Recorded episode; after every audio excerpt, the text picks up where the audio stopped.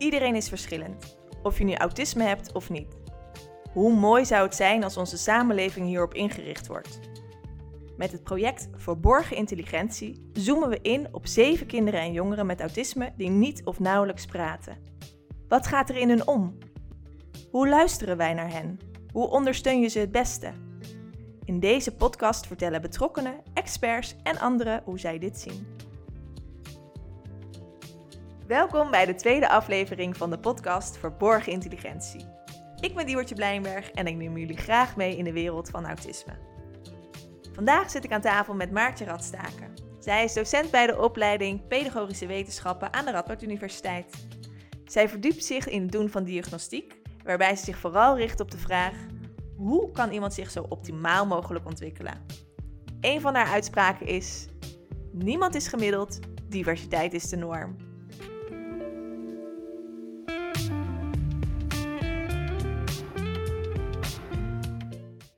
Mijn gasten een beetje beter te leren kennen, uh, beginnen we met ons vragenvuurtje. Ik heb een aantal vragen voor je en we beginnen bij de eerste vraag. Waarom zit je bij mij hier aan tafel? Ja, ik zit bij jou aan tafel om meer te vertellen over autisme en, um, ja, en eigenlijk de IQ-test. Of het idee uh, dat wij hebben over intelligentie. Um, en omdat we zien dat bij mensen met uh, autisme vaak veel meer mogelijkheden uh, aanwezig zijn als je op een andere manier naar ze kijkt. En vooral als je de communicatie volop aandacht geeft. Wauw, goed. Oh, daar gaan we zo meteen nog veel meer over hebben, denk ik. En Maartje, wat is jouw link met autisme? Mijn link met autisme is vooral via de uh, groep mensen in Nederland die niet kunnen spreken of niet goed genoeg kunnen spreken. Ik werk ja, heel veel voor deze mensen en samen met deze mensen. Um, en een deel van hen heeft autisme. Um, dus op die manier ben ik met ze in aanraking gekomen. Daarnaast werk ik op de Radboud Universiteit in Nijmegen als docent diagnostiek. En daar komt autisme ook vaak voorbij, uh, omdat een van de kinderen of de cliënten uh, geclassificeerd is met autisme. Wat is het grootste misverstand over autisme? Het grootste misverstand is dat het geen sociale wezens zijn. Ik ben bang dat, um, dat we daar te veel. Ja, ik kan het niet goed uitleggen, maar. Soort, we, zijn, we zijn gaan geloven dat mensen met autisme geen sociale wezens zijn. Um, en dat wordt vooral gevoed soms door ja, doordat zij net op een wat andere manier communiceren of zich op een andere manier gedragen in kleinere of grotere groepen mensen. En we zijn dat gaan vertalen alsof het geen sociale wezens zijn, of dat ze niet willen communiceren, of dat ze niet samen willen werken. Um, maar die behoefte ligt er misschien vaak wel. Die behoefte is er zeker wel. En we moeten meer kijken naar hoe kunnen we dan de omgeving en die persoon met autisme dichter bij elkaar brengen of zo, in plaats van het probleem neer te leggen bij die persoon met autisme en net doen alsof die niet zou willen communiceren of geen vrienden zou willen krijgen. Want dat is, ja, dat is in mijn optiek echt uh, grote onzin. Goed dat je het aangeeft. Gaan we ook zo meteen verder op in. En mijn beste les die je ooit leerde van iemand met autisme? Nou, dat ze dus zeker wel willen communiceren en willen samenwerken. Dat ze wel vrienden willen maken. Dat ze wel willen overleggen wat, wat in hun leven omgaat. En dat ze zeker wel de gevoelens van de ander um, voelen en ervaren, maar soms zo heftig dat ze er even niks mee kunnen. Waar zet je je voor in binnen dit thema? Wat wil je echt aan ons laten vertellen? Ik wil laten zien welke mogelijkheden mensen met autisme allemaal wel hebben.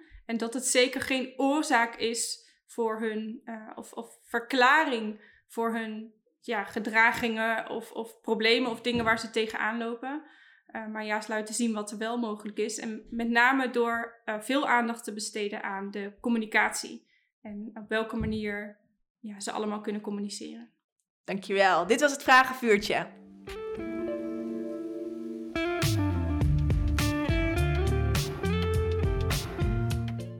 Oké, Maartje, jij bent betrokken als professional bij, de, bij het project Verborgen Intelligentie. Uh, wat draag jij bij aan dit project? ja, wat draag ik bij? We hebben een hele interessante workshop gehad met de levensloopbegeleiders. Um, ik denk al een half jaar geleden. Um, en daarin hebben we ja, hele goede gesprekken gehad over ja, dingen als intelligentie. En, en hoe kun je meten wat een ander uh, snapt en begrijpt. Um, en dus aandacht voor communicatie. Dus het zijn eigenlijk twee dingen, maar ik merk dat die heel erg door elkaar lopen. Omdat de manier waarop wij op dit moment uh, intelligentie testen is toch meestal via de IQ-test. Ja. Ehm, en daarop komen uh, mensen en, en, kinderen met autisme ja, soms vrij laag uit. Terwijl er, ja, we eigenlijk grote twijfels hebben of dat wel altijd klopt. Ja, maar hoe test je een IQ bij iemand die niet spreekt? Dat lijkt me heel erg lastig. Dat, dat is ook heel erg lastig. Nou zijn er natuurlijk heel veel mensen met autisme die wel spreken.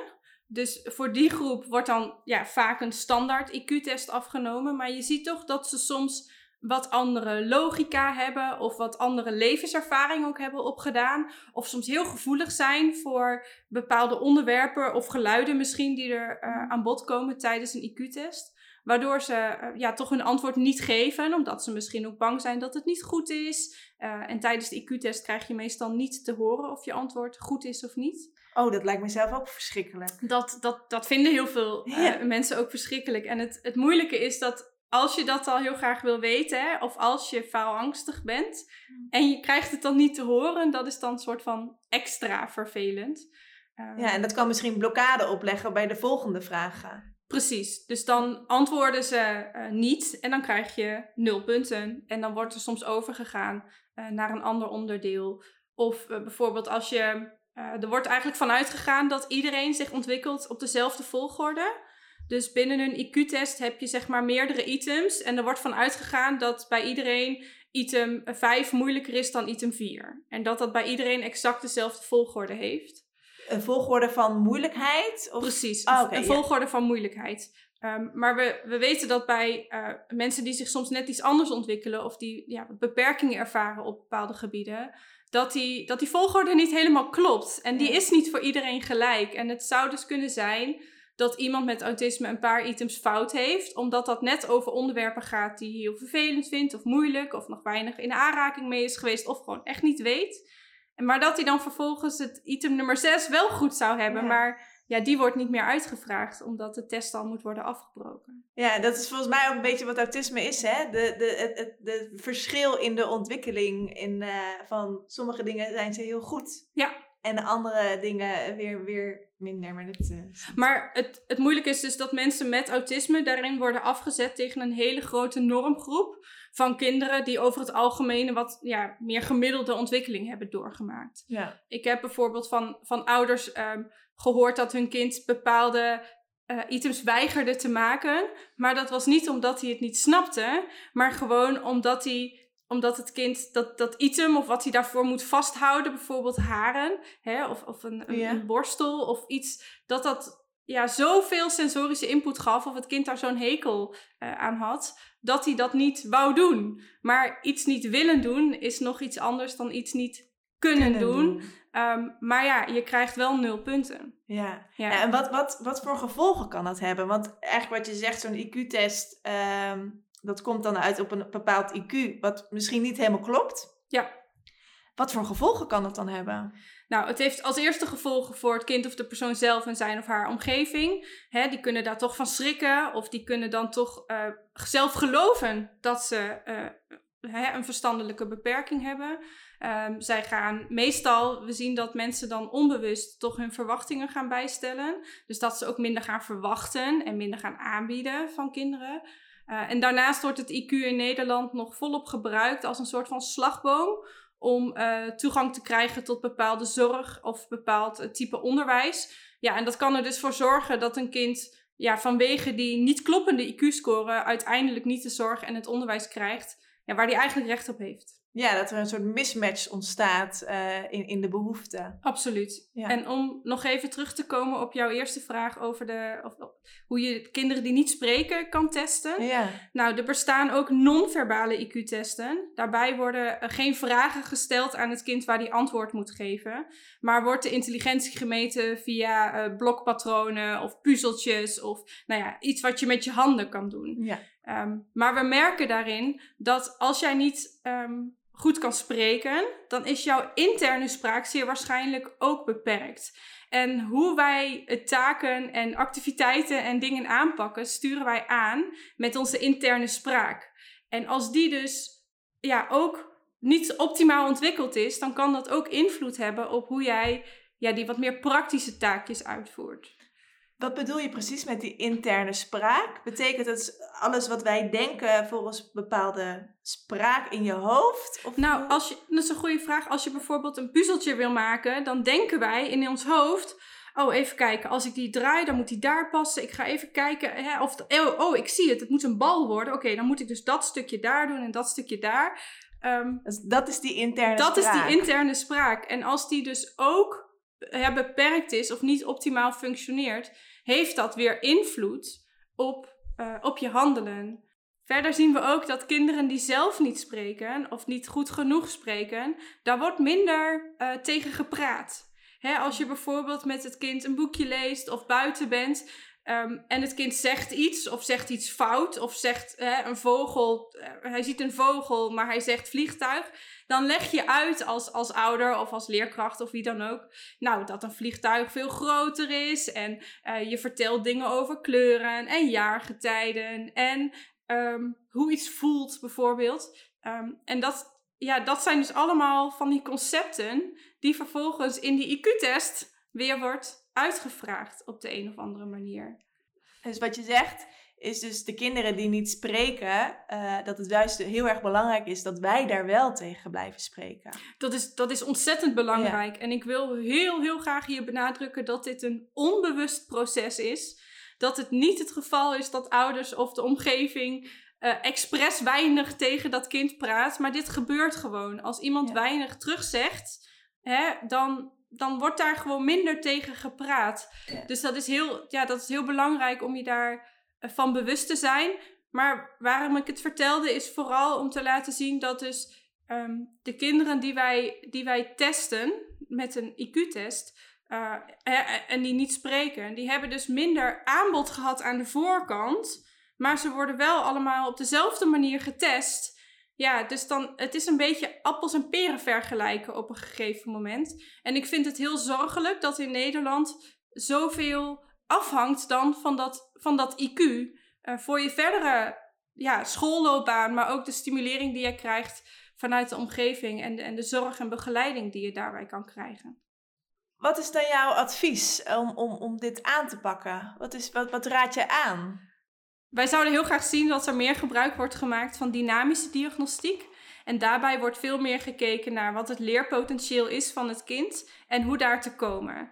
Dus je kijkt, hey, waar in het denkproces gaat het goed, maar waar in het denkproces gaat het mis? Gaat het bijvoorbeeld al mis met het verzamelen van informatie? Dus krijgt iemand überhaupt wel goed binnen hè, wat de opdracht is of wat de bedoeling is? En kijkt hij wel goed naar alle onderdelen van die opdracht? Uh, of gaat het mis in de verwerking? Hanteert hij een verkeerde strategie of kijkt hij zijn werk niet naar?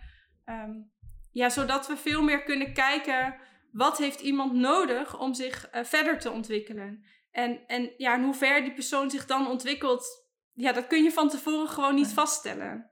Ja, dus eigenlijk van IQ-testen naar dynamische diagnostiek. Absoluut. In het najaar van 2019 was er een uh, enquête uitgevoerd door OPAS, programma OPAS. Uh, en dat ging over mensen met autisme die niet of nauwelijks spreken. Hè? Dus waar wij het nu ook hebben uh, met het project Verborgen Intelligentie. En de aanleiding van dat onderzoek, van de aanleiding van die enquête, was dus dat veel ouders en professionals twijfels hadden over die uitslag van die IQ-testen. Dus um, ehm, 60% van de ondervraagde ouders en professionals twijfelden over de diagnose verstandelijke beperking bij mensen met autisme die niet of nauwelijks spreken. Hoe kijk jij daar tegenaan? Um, ja, ik, ik denk dat er heel veel mensen met niet sprekend autisme zijn die uh, onderschat worden in hun cognitieve mogelijkheden. Uh, en zolang wij dat blijven onderzoeken met deze gestandaardiseerde statische IQ-testen, ja, ben ik bang dat dat ook nog wel even zo gaat blijven. Ja. Dat een aantal van, van deze mensen, een aantal van die 60%, daadwerkelijk wel een verstandelijke beperking heeft. Hè, kijkende naar problemen die zij ervaren in het goed doorkomen van de dag en het organiseren van je eigen werk, sociale leven enzovoort. Um, maar hoe, het, het kan wel zijn dat de ernst van die verstandelijke beperking misschien wat lichter blijkt te zijn dan nu op basis van een IQ-test. Ja, Nee, heel goed dat je het zegt. Dankjewel. Maartje, als we dan nu kijken hè, bij het project Verborgen Intelligentie. Uh, daar zijn zeven jongeren bij betrokken die niet of nauwelijks spreken. Is hun intelligentie verborgen? Ja, dat weten we niet. Dat, dat weet ik niet. En dat weet, ja, als ik, als ik heel eerlijk ben, dat weet denk ik niemand. Want ze zijn niet of heel moeilijk uh, te testen. We weten, we weten gewoon simpelweg niet wat er in hun omgaat. Want zolang zij niet de communicatieve middelen krijgen om zich wel te uiten. En dan bedoel ik niet alleen dat ze kunnen zeggen wat ze wel en niet willen, maar ook hoe ze zich voelen, welke dromen ze hebben, welke vragen ze hebben, wat ze willen vertellen over wat ze twee jaar geleden op vakantie hebben meegemaakt. Zolang ze niet de communicatieve middelen hebben om dat duidelijk te maken, moeten wij gewoon toegeven dat we niet weten wat er in hun hoofd omgaat. En de enige manier om dat eruit te krijgen is om ze wel toegang te geven tot die communicatieve middelen. Daar zelf ook gebruik van te maken, zodat die jongeren dat ook kunnen leren gebruiken. En in de tussentijd hun zo optimaal mogelijk uh, stimuleren. Zodat, ja, zodat ook naar voren kan komen wat ze eigenlijk snappen en weten. Want het risico van die IQ-test en het risico van dat stempel verstandelijke beperking is dus dat wij die um, die stimulatie gaan verminderen. En dat we met z'n allen gaan zeggen, dat hoor ik vaak. Nee, hij denkt niet buiten het hier en nu. Nee, hij heeft geen vragen. Nee, we begrijpen hem wel, want ik weet heel goed wat hij wel en niet leuk vindt. Dat vullen we voor hen in. Dat vullen we voor hen in. En als jij niks hebt om mee te communiceren buiten het hier en nu, ja, hoe, wie zijn wij dan om te zeggen dat jij niet kan denken buiten het hier en nu? Want ja, we moeten gewoon toegeven dat we dat niet weten. Ja, dus eigenlijk haal je het, het, het oordeel of het gevolg van het IQ, haal je eigenlijk weg in de begeleiding. Ja, absoluut. Dat, dat zou heel mooi zijn. En dus echt kijken uh, in de communicatie met deze jongeren, echt kijken naar wat er gebeurt, hoe die reageert wat de behoeftes zijn. Ja, en, en wat er gebeurt als iemand wel toegang krijgt tot een spraakcomputer of een pictogrammenboek of een heel uitgebreid arsenaal aan gebaren. Ehm, en misschien dat iemand inderdaad niet buiten het hier en nu denkt. Misschien dat ook al krijgt hij toegang tot al die middelen en doen we dat eindeloos veel voor en zou die het kunnen gebruiken, maar hij doet het niet. Prima. Dan is dat wat het is. Dan is dat wat het is, maar dan hebben we niks gemist. Ja. Dan hebben we niks niet gedaan. Ja, wat, wat uiteindelijk dus had geleid tot een. Stel dat, nou, we noemen dat de minst gevaarlijke um, hypothese. Stel dat we denken dat iemand het niet kan. En we bieden geen spraakcomputer aan, geen pictogrammenboek, geen gebaren. We doen niks om die communicatie te ondersteunen. Ja, dan en iemand heeft die, die gedachten en die gevoelens en die meningen wel, ja, dan kan die die niet uiten. Dat vind ik een probleem. Maar stel dat wij al die communicatiemiddelen wel aanbieden en iemand gebruikt ze uiteindelijk niet, ja, dat is jammer. Ja. Maar dat is het dan ook. Dan hebben we het wel geprobeerd. We hebben het wel geprobeerd en we hebben het op de goede manier geprobeerd en we hebben het ehm, met goede, weet je, met, met oprechte interesse en geloof in de mogelijkheden geprobeerd en lang genoeg geprobeerd. Ja? En we hebben niet, wat ik bij, bij autisme heel pijnlijk vind, is dat we oogcontact soms zien als voorwaarde voor communicatie. En dat iemand oogcontact moet maken omdat wij, hè, de, de gemeenschap, de maatschappij, dat zien als signaal van goede communicatie. Of signaal van jij wil met mij communiceren. Nou, dan moet ik maar op zoek naar een manier om dat goed vorm te geven. Ja, we weten gewoon inmiddels uit onderzoek dat het maken van oogcontact voor mensen met autisme heel stresserend kan zijn. Dus dan gaan wij iemand dwingen of trainen soms tot het maken van oogcontact om vervolgens nog te gaan communiceren. Ja, ik weet niet hoe dat in dat brein dan nog mogelijk is, maar ja, dat, dat is... te veel gevraagd in sommige veel gevallen. Veel te veel gevraagd. En waarom is oogcontact, als wij nou accepteren met z'n allen, dat oogcontact geen noodzakelijke voorwaarde is voor communicatie. En als we accepteren dat iemand die je niet aankijkt jou nog steeds interessant kan vinden of geïnteresseerd is naar wat jij te vertellen hebt, ik denk dat we daar een stuk verder mee komen. Ja, want jij, we, hebben elkaar, we hebben elkaar al een keer eerder gesproken. En toen zei jij, toen raakte je mij persoonlijk ook heel erg. Want jij zei, een communicatieprobleem is nooit een probleem van één persoon. Dat is vaak, een communicatieprobleem is tussen personen. Uh, nu heb ik zelf autisme en ook ik loop wel eens vast uh, met communicatie met mensen. Uh, ik kan nog wel eens dingen heel letterlijk nemen. Of het verschil tussen dromen en concrete doelen. Ja, dat vind ik soms heel lastig om te snappen. Wat is nou fantasie en wat gaan we nu concreet doen? En toen jij zei van ja, een communicatieprobleem, dat doe je met z'n tweeën. Of dat heb je met elkaar. En dat is niet de een heeft een probleem en de ander niet. En dat gaf mij een heel ander inzicht. Dat gaf mij een heel prettig gevoel in eerste instantie. En ehm, volgens mij is dat ook wel waar het om gaat. Van, maar wij, als wij hebben communiceren met elkaar, we hebben zulke communicatieregels in deze maatschappij bedacht, ehm, maar die passen niet bij iedereen. Hoe kijk jij daar tegen? Hoe kijk jij daarnaar? Ja, ik kan het bijna niet mooier zeggen dan hoe jij het doet. Um, ja, een, een communicatieprobleem kun je niet alleen hebben. En we, we zeggen dit continu. Je, communiceren doe je per definitie met meer mensen dan één. Ja. En die hebben dus allebei het probleem. Want misschien heeft de ene wat moeite om het duidelijk goed uit te leggen. En de ander begrijpt het niet. Maar dan heb je dus allebei een probleem. Het is gewoon anders. Het, verschilt van elkaar. Precies, het verschilt van elkaar. En het, de oplossing ligt hem er dan niet in die ene persoon of daar het probleem neer te leggen, of die ene persoon het beter te laten leren luisteren, maar die andere persoon moet het ook op een andere manier uitleggen. Het gaat erom dat je het, ja, de afstemming op elkaar klopt niet. En daar zit een verantwoordelijkheid in beide kanten. Ja. En die verantwoordelijkheid wordt naar mijn mening nu nog te veel gelegd vaak bij het kind of de volwassene met autisme of die, die hè, niet kan spreken. Werkelijk om wat voor reden dan ook. Um, en dan, en dan soms is de oplossing om een spraakcomputer te geven. Zo van, nou, jij kan niet praten, dan is hier je vervanging. Succes! Dan blijft het probleem bij diegene met autisme liggen. Bij die ander liggen. Eh, wij moeten dus als omgeving dan ook gaan communiceren met die woorden of die uh, pictogrammen of die foto's die in die spraakcomputer staan. Zodat die ander ook die betekenis gaat ervaren. En op die manier, of op die manier ja, zelf gaat ontdekken wat al die woorden en picto's betekenen. En dan kan de persoon het zelf gaan gebruiken. Het is echt een samenwerking, een wisselwerking met elkaar. Het is een gezamenlijk probleem. En het hele moeilijke bij deze groep is dat ze, als je niet kan praten, of niet goed kan praten, ja, kom dan nog maar eens voor jezelf op. Ja. Terwijl, als we heel eerlijk zijn, hebben we allemaal zo onze eigenaardigheden of dingen in de communicatie waar we wel eens vastlopen.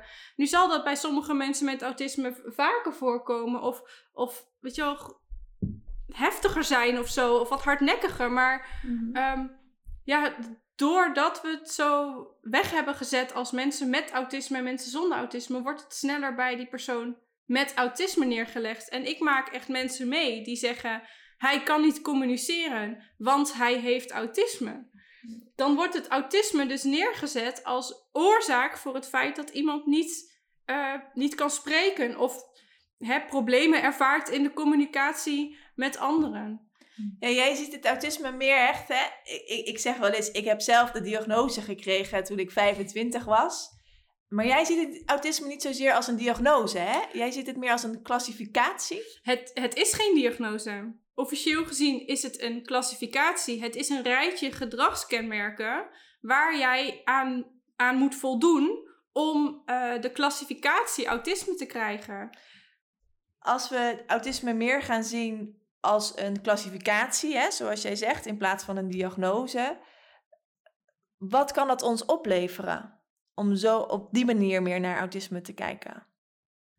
Dat als we, niet meer, als we het niet meer zien als oorzaak of als diagnose, hè, zoals suikerziekte bijvoorbeeld of, of een hoge bloeddruk, ja, dan gaan we beter kijken naar, goh, hoe, waar zou dat toch vandaan komen dat iemand problemen ervaart hier of beperkingen ervaart daar? Dan gaan we het meer zoeken in de omgeving. Dan gaan we het zien als iets waar we wat aan kunnen doen. Wellicht zowel door de omgeving aan te passen, maar ook om die persoon met autisme andere vaardigheden aan te leren, zodat hij zich misschien prettiger en beter door het leven kan gaan of minder beperkingen of minder belemmeringen ervaart um, ja, vanuit dat autisme.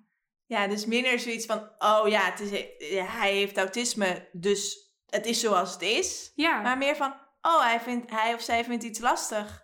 eh, wat gebeurt er? Wat zien we? Wat kunnen we hieraan doen? Ja, precies. En ook niet die persoon met autisme dus op wat voor manier dan ook de schuld te geven van bepaalde... Heel herkenbaar. Problemen, ja. Naast jouw werk bij de Radboud Universiteit ben je ook als onderzoeker en behandelcoördinator aangesloten bij Stichting Milo. Uh, een stichting dat zorgverlening biedt aan kinderen en jongvolwassenen met een communicatief meervoudige beperkingen. En communicatie is overal. Uh, en wat als dit niet vanzelfsprekend is? Ik denk dat jullie daar heel veel onderzoek ook naar doen. Wat is volgens jou daar de impact van? Nou, dat het laat zien dat communicatie meer is dan spreken. En dat communicatie nu nog heel erg uh, als iets verbaals wordt gezien. Hè? En communicatie is er ook in lichaamstaal en in wijzen en rijken en, en, en met je blik ergens naar kijken. Um, maar daarnaast heb je ook ondersteunde communicatie. En daarmee bedoelen we eigenlijk alles om die gesproken taal uh, te ondersteunen. En als die gesproken taal er dus niet of onvoldoende aanwezig is, ja, dan ben je dus afhankelijk van je gebruik van ondersteunde communicatie. En uh, daarin heb je je lichaamstaal nodig en de gebaren of de geluiden die je misschien kan maken en je blikrichting. Maar dat moet ontzettend worden aangevuld met uh, pictogrammen of woorden of letters of foto's of gebaren. Um, die dan in een boek staan of in een computer. Zodat jij je op elk moment kan uiten uh, hoe je dat ook maar wil. En dat is vrijheid van meningsuiting. En dat recht hebben we allemaal. Dat staat in onze grondwet, dat staat in het VN-verdrag inzage rechten voor mensen met een beperking. Dat, het staat erin vastgelegd. Ieder mens heeft recht op toegankelijke communicatie. En dat houdt in dat, dat, dat informatie naar jou moet worden gecommuniceerd op een manier waarop jij het begrijpt. Maar ook dat jij um, ja, geholpen moet worden om jezelf goed te kunnen uiten. En dat houdt dus in dat je recht moet hebben op een hele groot aantal begrippen, zodat jij echt kan zeggen of kan duidelijk maken wat jij allemaal te vertellen hebt. Wauw, dus het is niet alleen maar een behoefte, maar het is ook gewoon echt een recht wat wij hebben. Het is een recht wat we allemaal hebben. En het is, het is ook het, het, zeg maar de plicht van de maatschappij en van de omgeving en van ons allen om te zorgen dat mensen die niet goed kunnen spreken ook die toegang krijgen tot ondersteunde communicatie. En dat wij ze dat op een goede manier aanleren, zodat zij ook de mogelijkheden krijgen om daarmee te communiceren.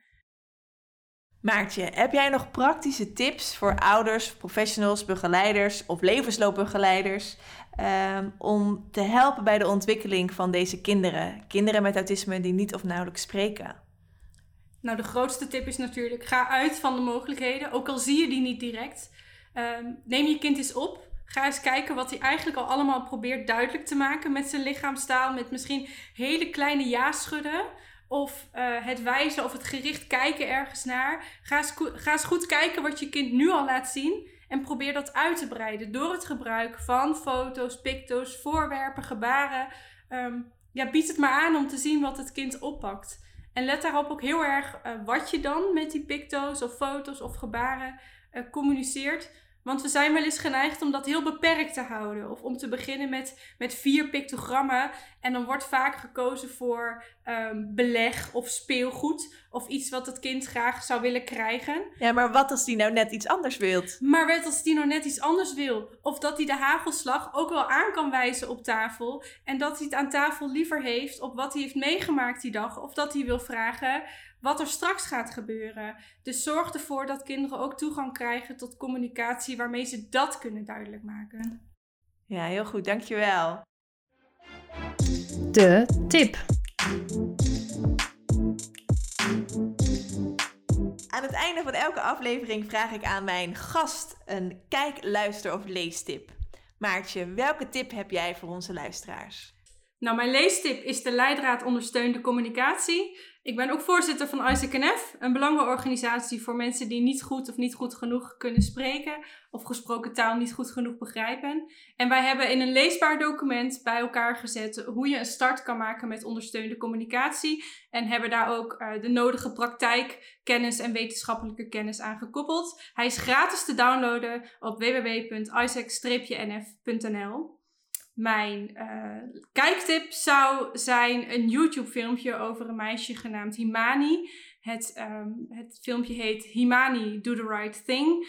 Ehm, en dat gaat over een non-verbaal, dus een niet sprekend uh, meisje met autisme, waarvan gedacht wordt dat zij ook een verstandelijke beperking heeft. En zij krijgt op school hele eenvoudige uh, lessen over taal en letterkennis. En zij vertelt ons in niet te verstaande woorden wat zij daar eigenlijk van vindt. Um, het is een filmpje dat veel indruk op mij heeft gemaakt en ook op mijn studenten, omdat aan de buitenkant als je er als leek naar zal kijken, zij, zij overkomt als een, een ernstig verstandelijk beperkt meisje.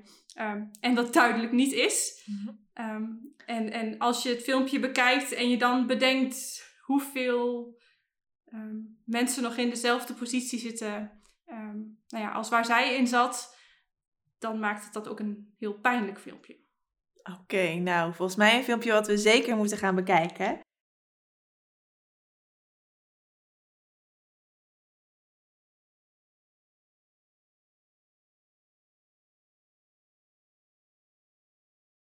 Je kan de link van de leidraad en de video terugvinden in onze show notes onder deze aflevering. Maartje, heel erg bedankt voor je komst. Ik vond het een heel waardevol gesprek. Uh, persoonlijk heb je mij heel erg geraakt met de boodschap: een communicatieprobleem is een gedeeld probleem. En de zin en de onzin van de IQ-testen, eh, laten we dit uh, de wereld in helpen. En uh, dank je wel hiervoor. Graag gedaan, dank je wel. Volgende keer spreek ik met Martine Delfos. Zij is psycholoog, therapeut en wetenschapper. In dit gesprek gaan we dieper in op de schoonheid van het verschil. Zoals Martine zegt, we hoeven niet alles te begrijpen als we maar begrijpen dat we het niet begrijpen. Dan gaan we respectvoller met elkaar om. Tot dan!